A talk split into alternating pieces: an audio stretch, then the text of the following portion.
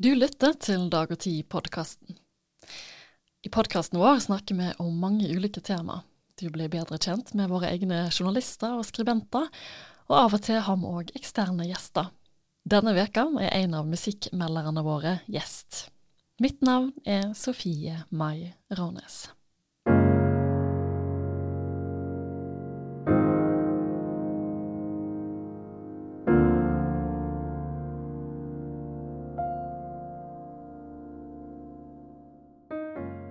Gjesten denne veka er professor ved Universitetet i Bergen, har doktorgrad i amerikansk litteratur og kultur, er ansvarlig for masterprogrammet i manusutvikling for serier, skribent i Dag og Tid, og forfatter.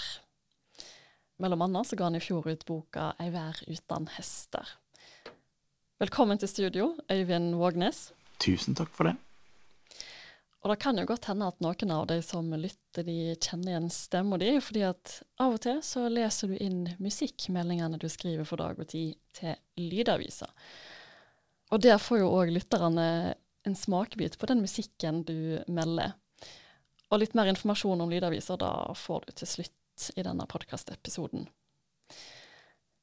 Og nå, Øyvind, nå har jeg ramsa opp eh, alt alt det forskjellige du holder på med. Og vi skal komme innom eh, litt av alt egentlig i dag. Og jeg tenkte vi kunne begynne med bakgrunnen din og interessen din for amerikansk litteratur og kultur. Og så lurer jeg på, hva er det med amerikansk litteratur og kultur som du syns er så spennende? Ja, ja det, det, er jo et naturlig spørsmål. Eh, jeg veit ikke helt, altså det var jo flaska opp på amerikansk populærkultur på 1980-tallet. Så jeg var veldig opptatt av, eh, av rockeartister og TV-serier og kjendiser og sånt. Og så etter hvert så, så gikk det fra Michael Jackson til Bruce Springsteen og til Bob Dylan. Så det var en sånn herre Alltid disse her amerikanske låtskriverne og artistene. Og med en sånn orientering så blir det en sånn flettverk av referanse der en artist snakker om en film, og en filmskaper snakker om en roman. Og, og plutselig så er du liksom inni en sånn kulturell gryte, da. Der det ene hører til med det andre. Så hører du på John Coltrane, så leser du noe som en forfatter skrev på den tida. Så. så jeg blei bare veldig interessert i i nordamerikansk litteratur og kultur egentlig før jeg begynte å studere. Um, men så kunne jo du til og med drive og studere dette på universitetet. så holder jeg på å rote med det noen år. Det var sånn det ene førte til det, til det andre. Så var det jo sånn at jeg um, Etter hvert som jeg, um, jeg fikk forskningsstipend og sånt, og begynte å bevege meg inn den veien, da, fordi jeg fikk, jeg fikk et sånn Fulbright-stipend som var veldig viktig. Så da var det et opphold i USA, og da, da ble det på en måte en del av, av et forskningsarbeid. Jeg skulle skrive en doktorgradsavhandling som handla om, om um, Jeg prøvde å finne en måte å skrive om noen av noen forfattere jeg var veldig interessert i på, og da fant jeg ut at alle de skrev om dette. her, Kennedy Modde, Don DeLillo skrev om det, Norman Mailer. og så da tenkte jeg sånn Nå lager jeg en avhandling med hvordan alle disse her forteller om denne her mm. hendelsen. Men, men, ja, som du sa, så var du i USA eh, en periode, og du var faktisk der under 11. september 2001. Under disse terroråtakene. Mm. Det må ha vært en helt spesiell stemning i USA eh, den dagen og i dagene etter. Hvordan var det å være der? Det var veldig spesielt. Det var første gangen jeg reiste til USA. og Jeg husker jeg kom dit med kjæresten min, som, som jeg er gift med nå.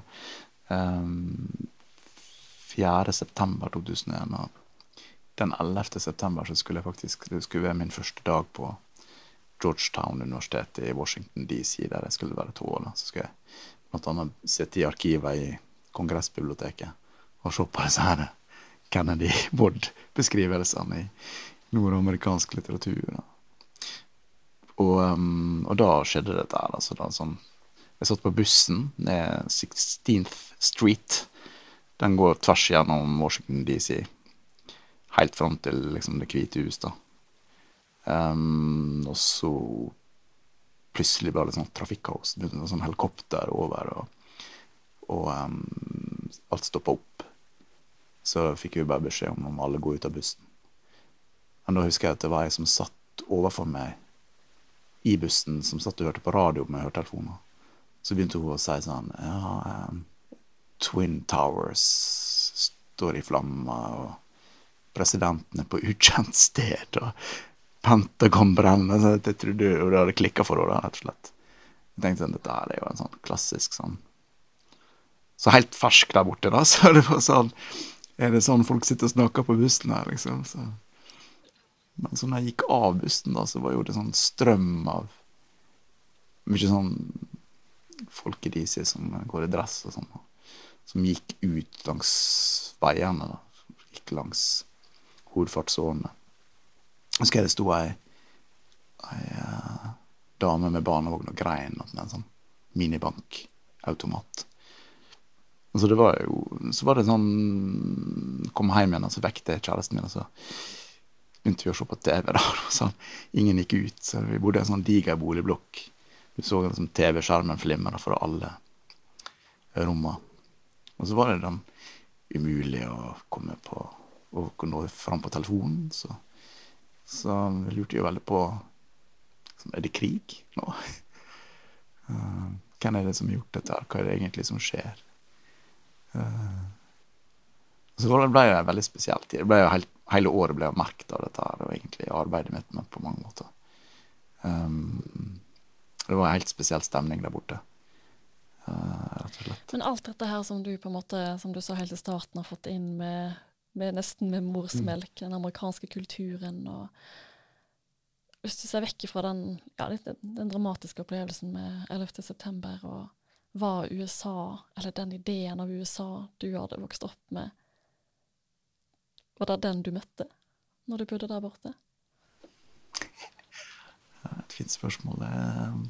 På noen måter var jo det det, sant? men på andre måter så var det en vekker å se hvor eksempel å se hvor eh, fast det samfunnet satt i en bestemt form for raseskille, fordi at du så at um, alle som uh, rydda opp etter meg, eller som serverte meg i kantinen, eller som kjørte bussen, var um, mørkhuda, og, og um, det var en sånn ja, økonomiske segmentet i området der vi bodde. I ei billig leilighet, så var det veldig mye latinamerikanske beboere. Så hele det her komplekse mangfoldet av etniske grupper som bor sammen, som både er veldig sånn har mange kvaliteter. da, Det er liksom i virkelig et flerkulturelt samfunn, og det har vært lenge. Så du møter alle mulige slags folk på din vei gjennom en vanlig hverdag.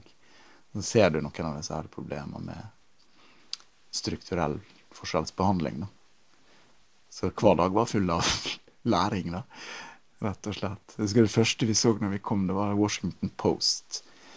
Så bladde vi opp og så, der var det en sånn side hver torsdag der det var sånn sto om kriminelle hendelser som hadde skjedd i Washington DC. Det sto en sånn gateadresse på hvert oppslag, så vi var så vidt vi turte å gå ut de første dagene da, før vi liksom ble vant med at uh, du måtte bare passe litt på hvor du gikk og sånn. Ja, det var masse kriminalitet? Det jo, var jo det, Asbjørn. Det var sånne deler av DC du ikke kunne gå av hvis du var sånn som meg, som så ut som du hadde penger og sånn. Så du, du må liksom venne deg med Venne deg med en del sånne ting. Så nå var det jo fantastisk å være forsker der. Det var sånn, Alle sto på pinne og henta ting ut. og Det var sånn svært med forskning da det var på Kongressbiblioteket. Det var, det var noe de eh, satte høyt. da.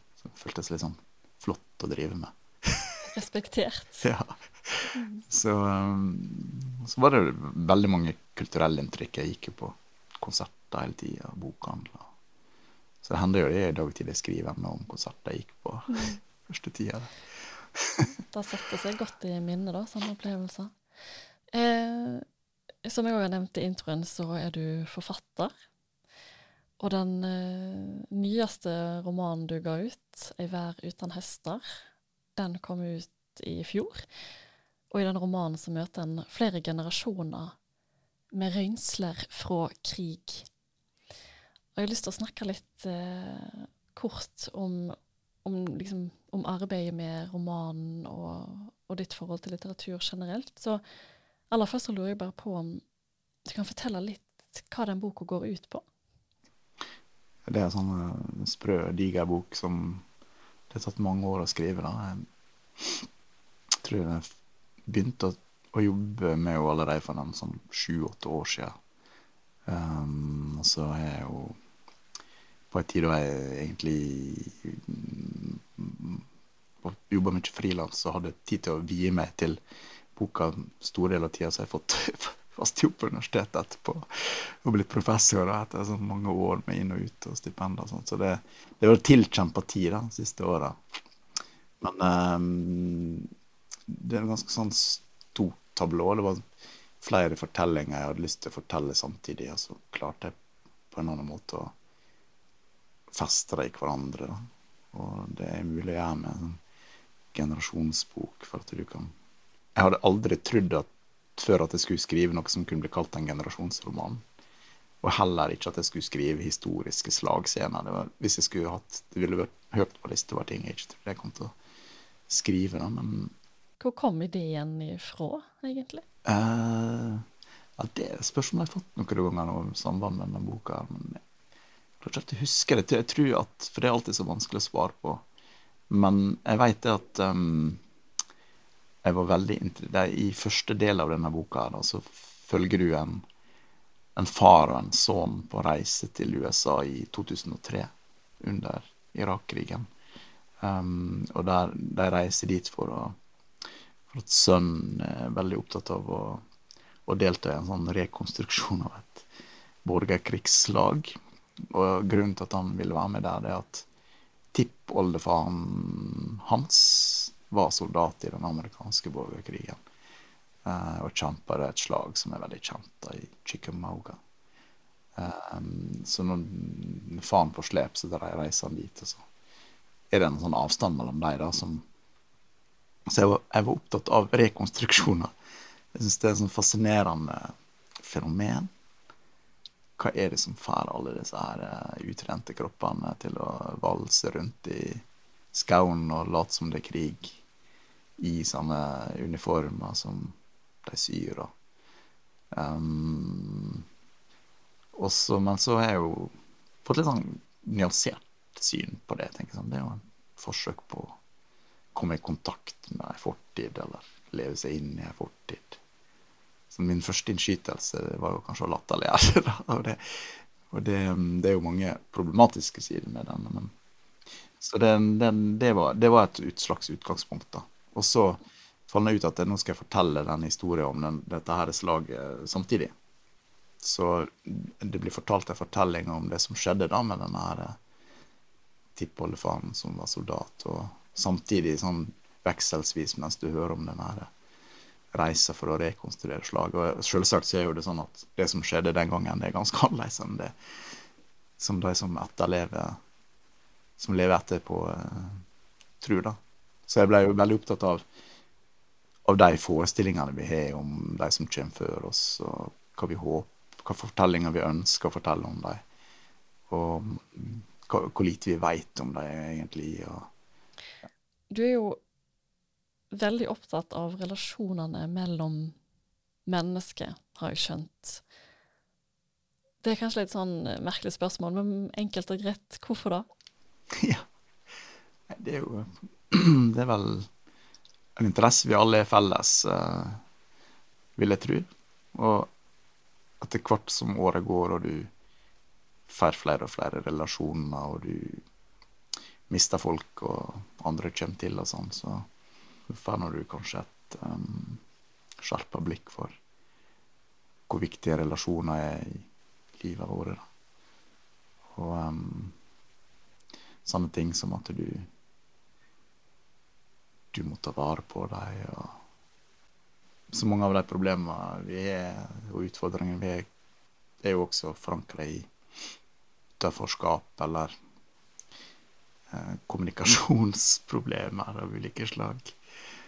Eh, så det relasjonelle, og det er jo merker jeg når jeg, når jeg ser film eller leser, eller for den del hører på musikk med tekster, så syns jeg det er spennende å høre om det. da. Jeg skal komme litt innom eh, musikk og tekst, for eh, du er jo òg musikkmelder. Mm. Og du melder deg plater hos oss hver uke, i tillegg til at du skriver ei spalte som heter Arkivet, om både ny og gammel musikk og artister, og litt sånn egne erfaringer, som du nevnte helt i starten òg. Eller egne opplevelser. Og musikk er jo ikke Ja, det blir kanskje feil å si ikke bare musikk, det er jo ofte bare musikk òg. Eh, men eh, i de fleste platene du melder, så er det jo tekst til musikken.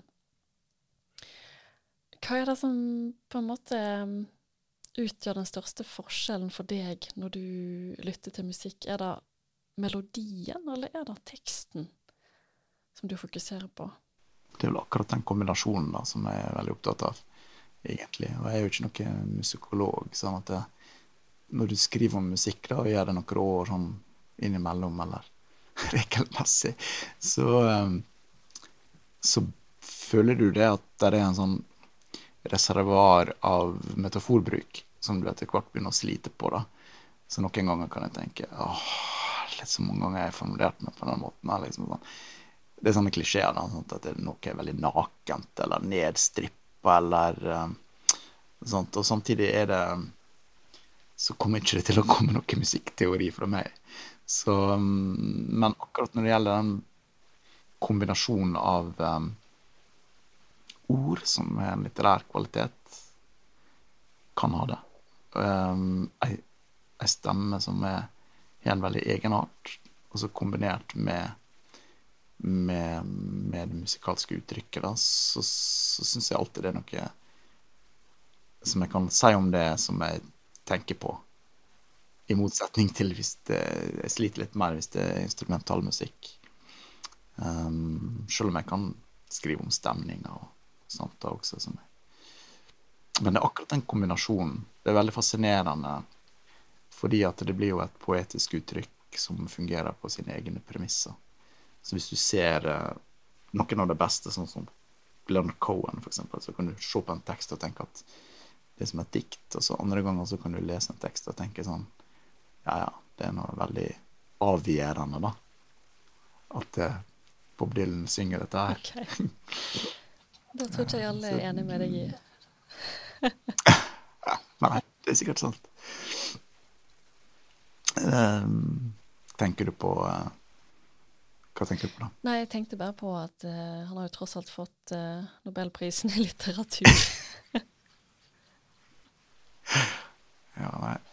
Dylan er jo liksom kanskje den kunstneren som er satt høyest.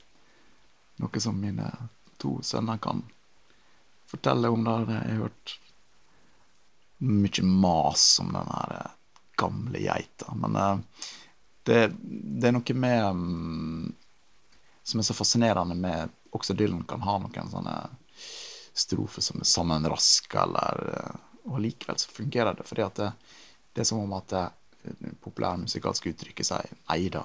Jeg er ikke liksom noe sånn høgverdig poesi. Jeg er bare en sang. Så det her er jeg. Ta meg for det. Som kan ha Der er en låt på en plate fra 73 som heter Planet Waves, der han er noen sånne utrolig fine strofer som er sånn haiku-lignende. Så beskriver, naturbeskrivelse, så kommer man med en strofe som er sånn Baby, baby blue, you could change your hair to blue, eller et eller annet. Jeg husker ikke. Så, som er sånn OK. det er som om at han slenger på ei strofe til for å si sånn Nå trodde dere dette her var perfekt, men nå skal jeg lage ei strofe som er sånn, litt sånn rar, da. Og det liker jeg, den her Det er sånn som Kjartan Fløgstad snakker mye om. Sånn, sånn type um, uttrykk som, som er veldig eh, presist og, og, kunstnerisk tilfredsstillende, men som også har noe sånn uberegnelig og upretensiøst over det. Ja, det er litt sånn uh, Ha litt sjøltillit, på en måte, i musikken. I teksten, da. Ja. Mm. Det er sant. Men um, jeg har jo aldri, eller aldri, jeg har ikke hatt en uh, musikkmelder i studio før. Jeg har jo snakka både med teatermelder og filmmelder og bokmelder og kunstmelder. Og jeg har noen faste spørsmål. Og blant annet så syns jeg alltid det er interessant å høre om uh, om du på en måte klarer å nyte musikk når du ikke skal melde den. Altså Klarer du å skille mellom ok, nå skal jeg lytte til den plata her, og så skrive noe vetugt eh, i dag og tid? Eh, eller nå skal jeg bare lytte musikken og ikke tenke på å måtte skrive en vurdering av dette etterpå? Hmm. Ja, jeg hører, jeg hører, nok veldig, veldig mye på musikk. Sånn unormalt mye liksom, til og fra i hverdagen og innimellom. Og for de som lever med meg, så er det nok litt slitsomt at det alltid skal være musikk liksom, hele tida. Så jeg blir kanskje aldri mett.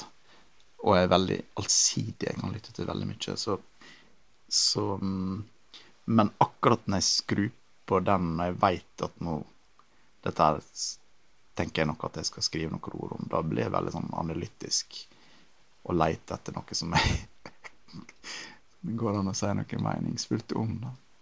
Så den måten jeg skriver i aviser på, er vel egentlig at jeg, jeg får mye musikk tilsendt.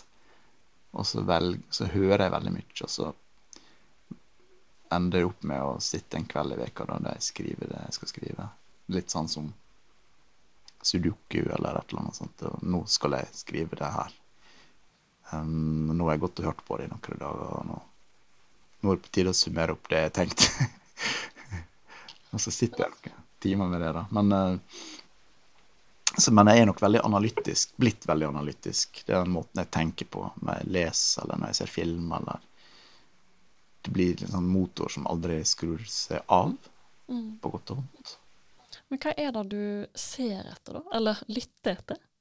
Er litt vanskelig å si, for det, det varierer, men, men ofte så um, ofte så er disse eh, tekstene mine om musikk begynner ofte med en um, De er ofte skrudd sammen på samme måte. Det begynner ofte med en konkret sang som har en eller annen en skildring eller en erfaring som jeg syns er interessant.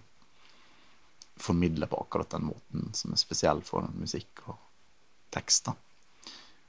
Og så springer det ut derfra. Jeg tror kanskje jeg Um, det er jo dette du sa om det mellommenneskelige. Det er et eller annet med musikk at det låter er Slutter aldri å forundre meg. Det er veldig eh, en fantastisk redskap til å skildre stemninger og situasjoner og sånne omriss til fortellinger. Sånn at du kan fylle på med det du mangler sjøl, og så har du en følelse av en stemning eller noe som skjer. Selv om det egentlig er veldig lite der i selve sangen. Det er noen ord og noen skildringer. Så trekker du med deg det, og så bygger du på sjøl. Så det er noe av det som er veldig spesielt. Eh, men det blir nok ofte at jeg velger å skrive om musikk der tekstene er viktige. da. Det tror jeg. Ja, Så du melder jo ikke akkurat VG-lista topp 40 eller topp 20? Nei, jeg kommer bare lenger og lenger ned på lista for hvert år. Nå tror jeg vi er på sånn bunn 400. Nei da, nei, men jeg er ofte opptatt av Der er det, disse her um, selskapene som har litt mindre kommersielt suksessrike artister. De liker å sende ting til meg, for de vet at det er en sjanse for at de Jeg er ute etter noe som jeg tenker på som kvalitet. Jeg er ikke så lenger så veldig opptatt av Etter hvert så velger å skrive om ting jeg syns det er verdt å dele med andre. da. Jeg er ikke så opptatt av å ta noe som sier at nei, det her syns alle dere er bra, men nå skal dere høre her. Det stinker. Det er så dårlig, og nå skal jeg forklare hvorfor. det Så noe sånn slakting og sånn, det, det er ikke det at jeg mener at noen ting er gode, andre ting er ikke så gode. Og heller ikke at jeg ikke står for det. det bare, du har bare den lille plassen å formidle på, og det er så veldig, veldig mye som blir lagd. Og mange på min alder tror at veldig mye som var, er bra, det ble lagd før, men veldig mye bra blir laga nå. ja, for da var nemlig et av mine spørsmål Har du liksom en sånn ynglingsperiode uh, når, med tanke på musikk, der liksom musikken var på sitt ideelle, sitt beste? Det er veldig skummelt. Jeg har akkurat sagt at det kommer veldig mye bra musikk nå, da. Og så skal jeg nå si det at jeg elsker musikk fra sånn midten av 1970-tallet. jeg er jo sånn Skriver veldig mye om amerikansk rockemusikk og amerikaner. og det er en sånn periode som måtte dirre med ekko i alle tiåra som følger. Plater fra midten av 1970-tallet. Så det var en flott Hvis jeg liksom skulle Sånn som sånne rockenerder som jeg liker å diskutere det sånn Hvis du skulle ta turen inn i en konsertsal og liksom velge når du ville, hva ville du gjort da? Da tror jeg at jeg fort kunne endt opp med sånn Patti Smith eller Dylan eller noe sånt på midten av 70-tallet. Neil Young og sånn. Tror ikke du er helt alene om, om uh, det, altså. Sikkert mange av leserne med. Mm. Eh, vi skal begynne å runde av. Eh, men du er jo litt eldre enn meg, og du har jo Altså, mye har jo Får ikke si mye. Hva sa du? Får ikke si mye eldre. Du er jo din beste alder. Men ja. Um, det er jo veldig mye som har skjedd med måten vi lytter til musikk på. Altså vinyl, kassett, som jeg vokste opp med, da. Eh, CD og MP3-spiller og streaming. Og da siden du har lytta til så masse musikk og er litt eldre enn meg, så jeg skulle gjerne hørt hva du syns uh, er den ideelle måten å lytte til musikk på, da. Både, kanskje både for lytteren og for artisten. Ja. Huh. Uh, nei, jeg hører kun på vinyl. Nei da. Uh, det er veldig glad i liksom um, Nå høres jeg veldig gammel ut, men jeg er veldig glad i sånn plate som du løfter ut og så legger på tallerkenen. Syns det er sånn flott rituelt og, og, sånn. Og nå er jo det utrolig nok på vei tilbake. På, på 80- og 90-tallet, da jeg først begynte å kjøpe musikk, så var det CD-er. Og jeg alltid det er litt sånn stygge, da, sånne små plastdrit. Eh, men, eh, men, eh, så estetisk jeg er veldig opptatt av altså innpakninga og så lydene og sånt. Men det er nå helt topp da å kunne strømme alt mulig og, og sitte på bussen og hente fra meg. Hele verden er blitt ditt bibliotek, og du kan oppdage musikk du, på en helt annen måte enn før. Så det syns jeg er veldig kult. Og så er det litt kjipt at artister blir sittende igjen med så lite av kaka. da. Så det er jo et stort problem. Mm. Ja, det var jo et ganske Det var et forventa svar. ja, jeg vil jeg tro. Men eh, hva gleder du deg til nå, da, i dette året her? Er det noen konsert eller noen plate som eh, du ser fram til? Ja, det er hele tida, skal jeg si. Jeg hørte i går at uh, eh, PJ Harvey kommer med plate i sommer, så det er jo, det er jo stort.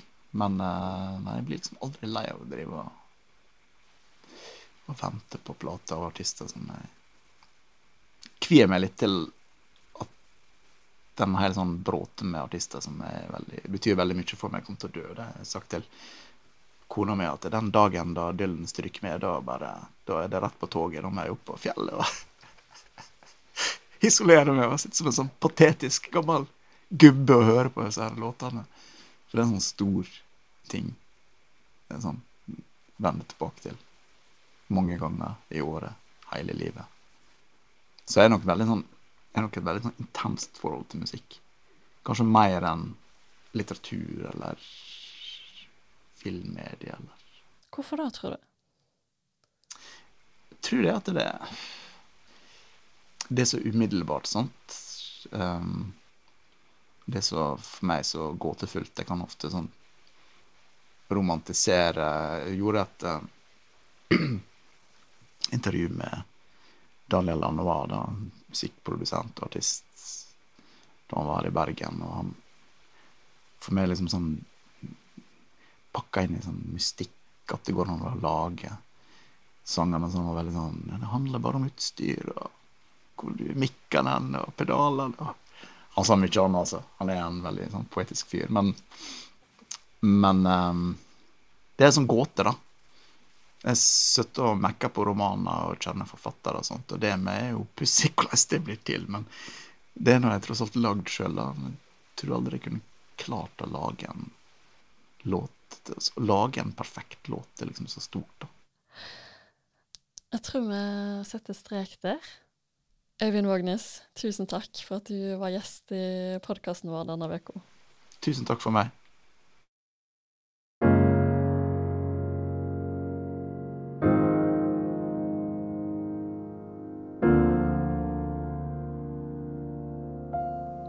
Du lytter til Dag og Tid-podkasten. I tillegg til podkasten har vi noe som heter for Lydavis. Hver uke leser vi inn et utvalg artikler som abonnentene våre kan lytte til. Og hvis dette her er noe du er nysgjerrig på, da kan du tinge et gratis prøveabonnement på dagogtid.no prov. Abonnementet varer i tre uker og har automatisk stopp. Og som alltid, hvis du har tilbakemeldinger på podkasten vår, send meg gjerne en e-post. Adressa er sofie krøllalfa dagogti.no. Takk for at du lytta.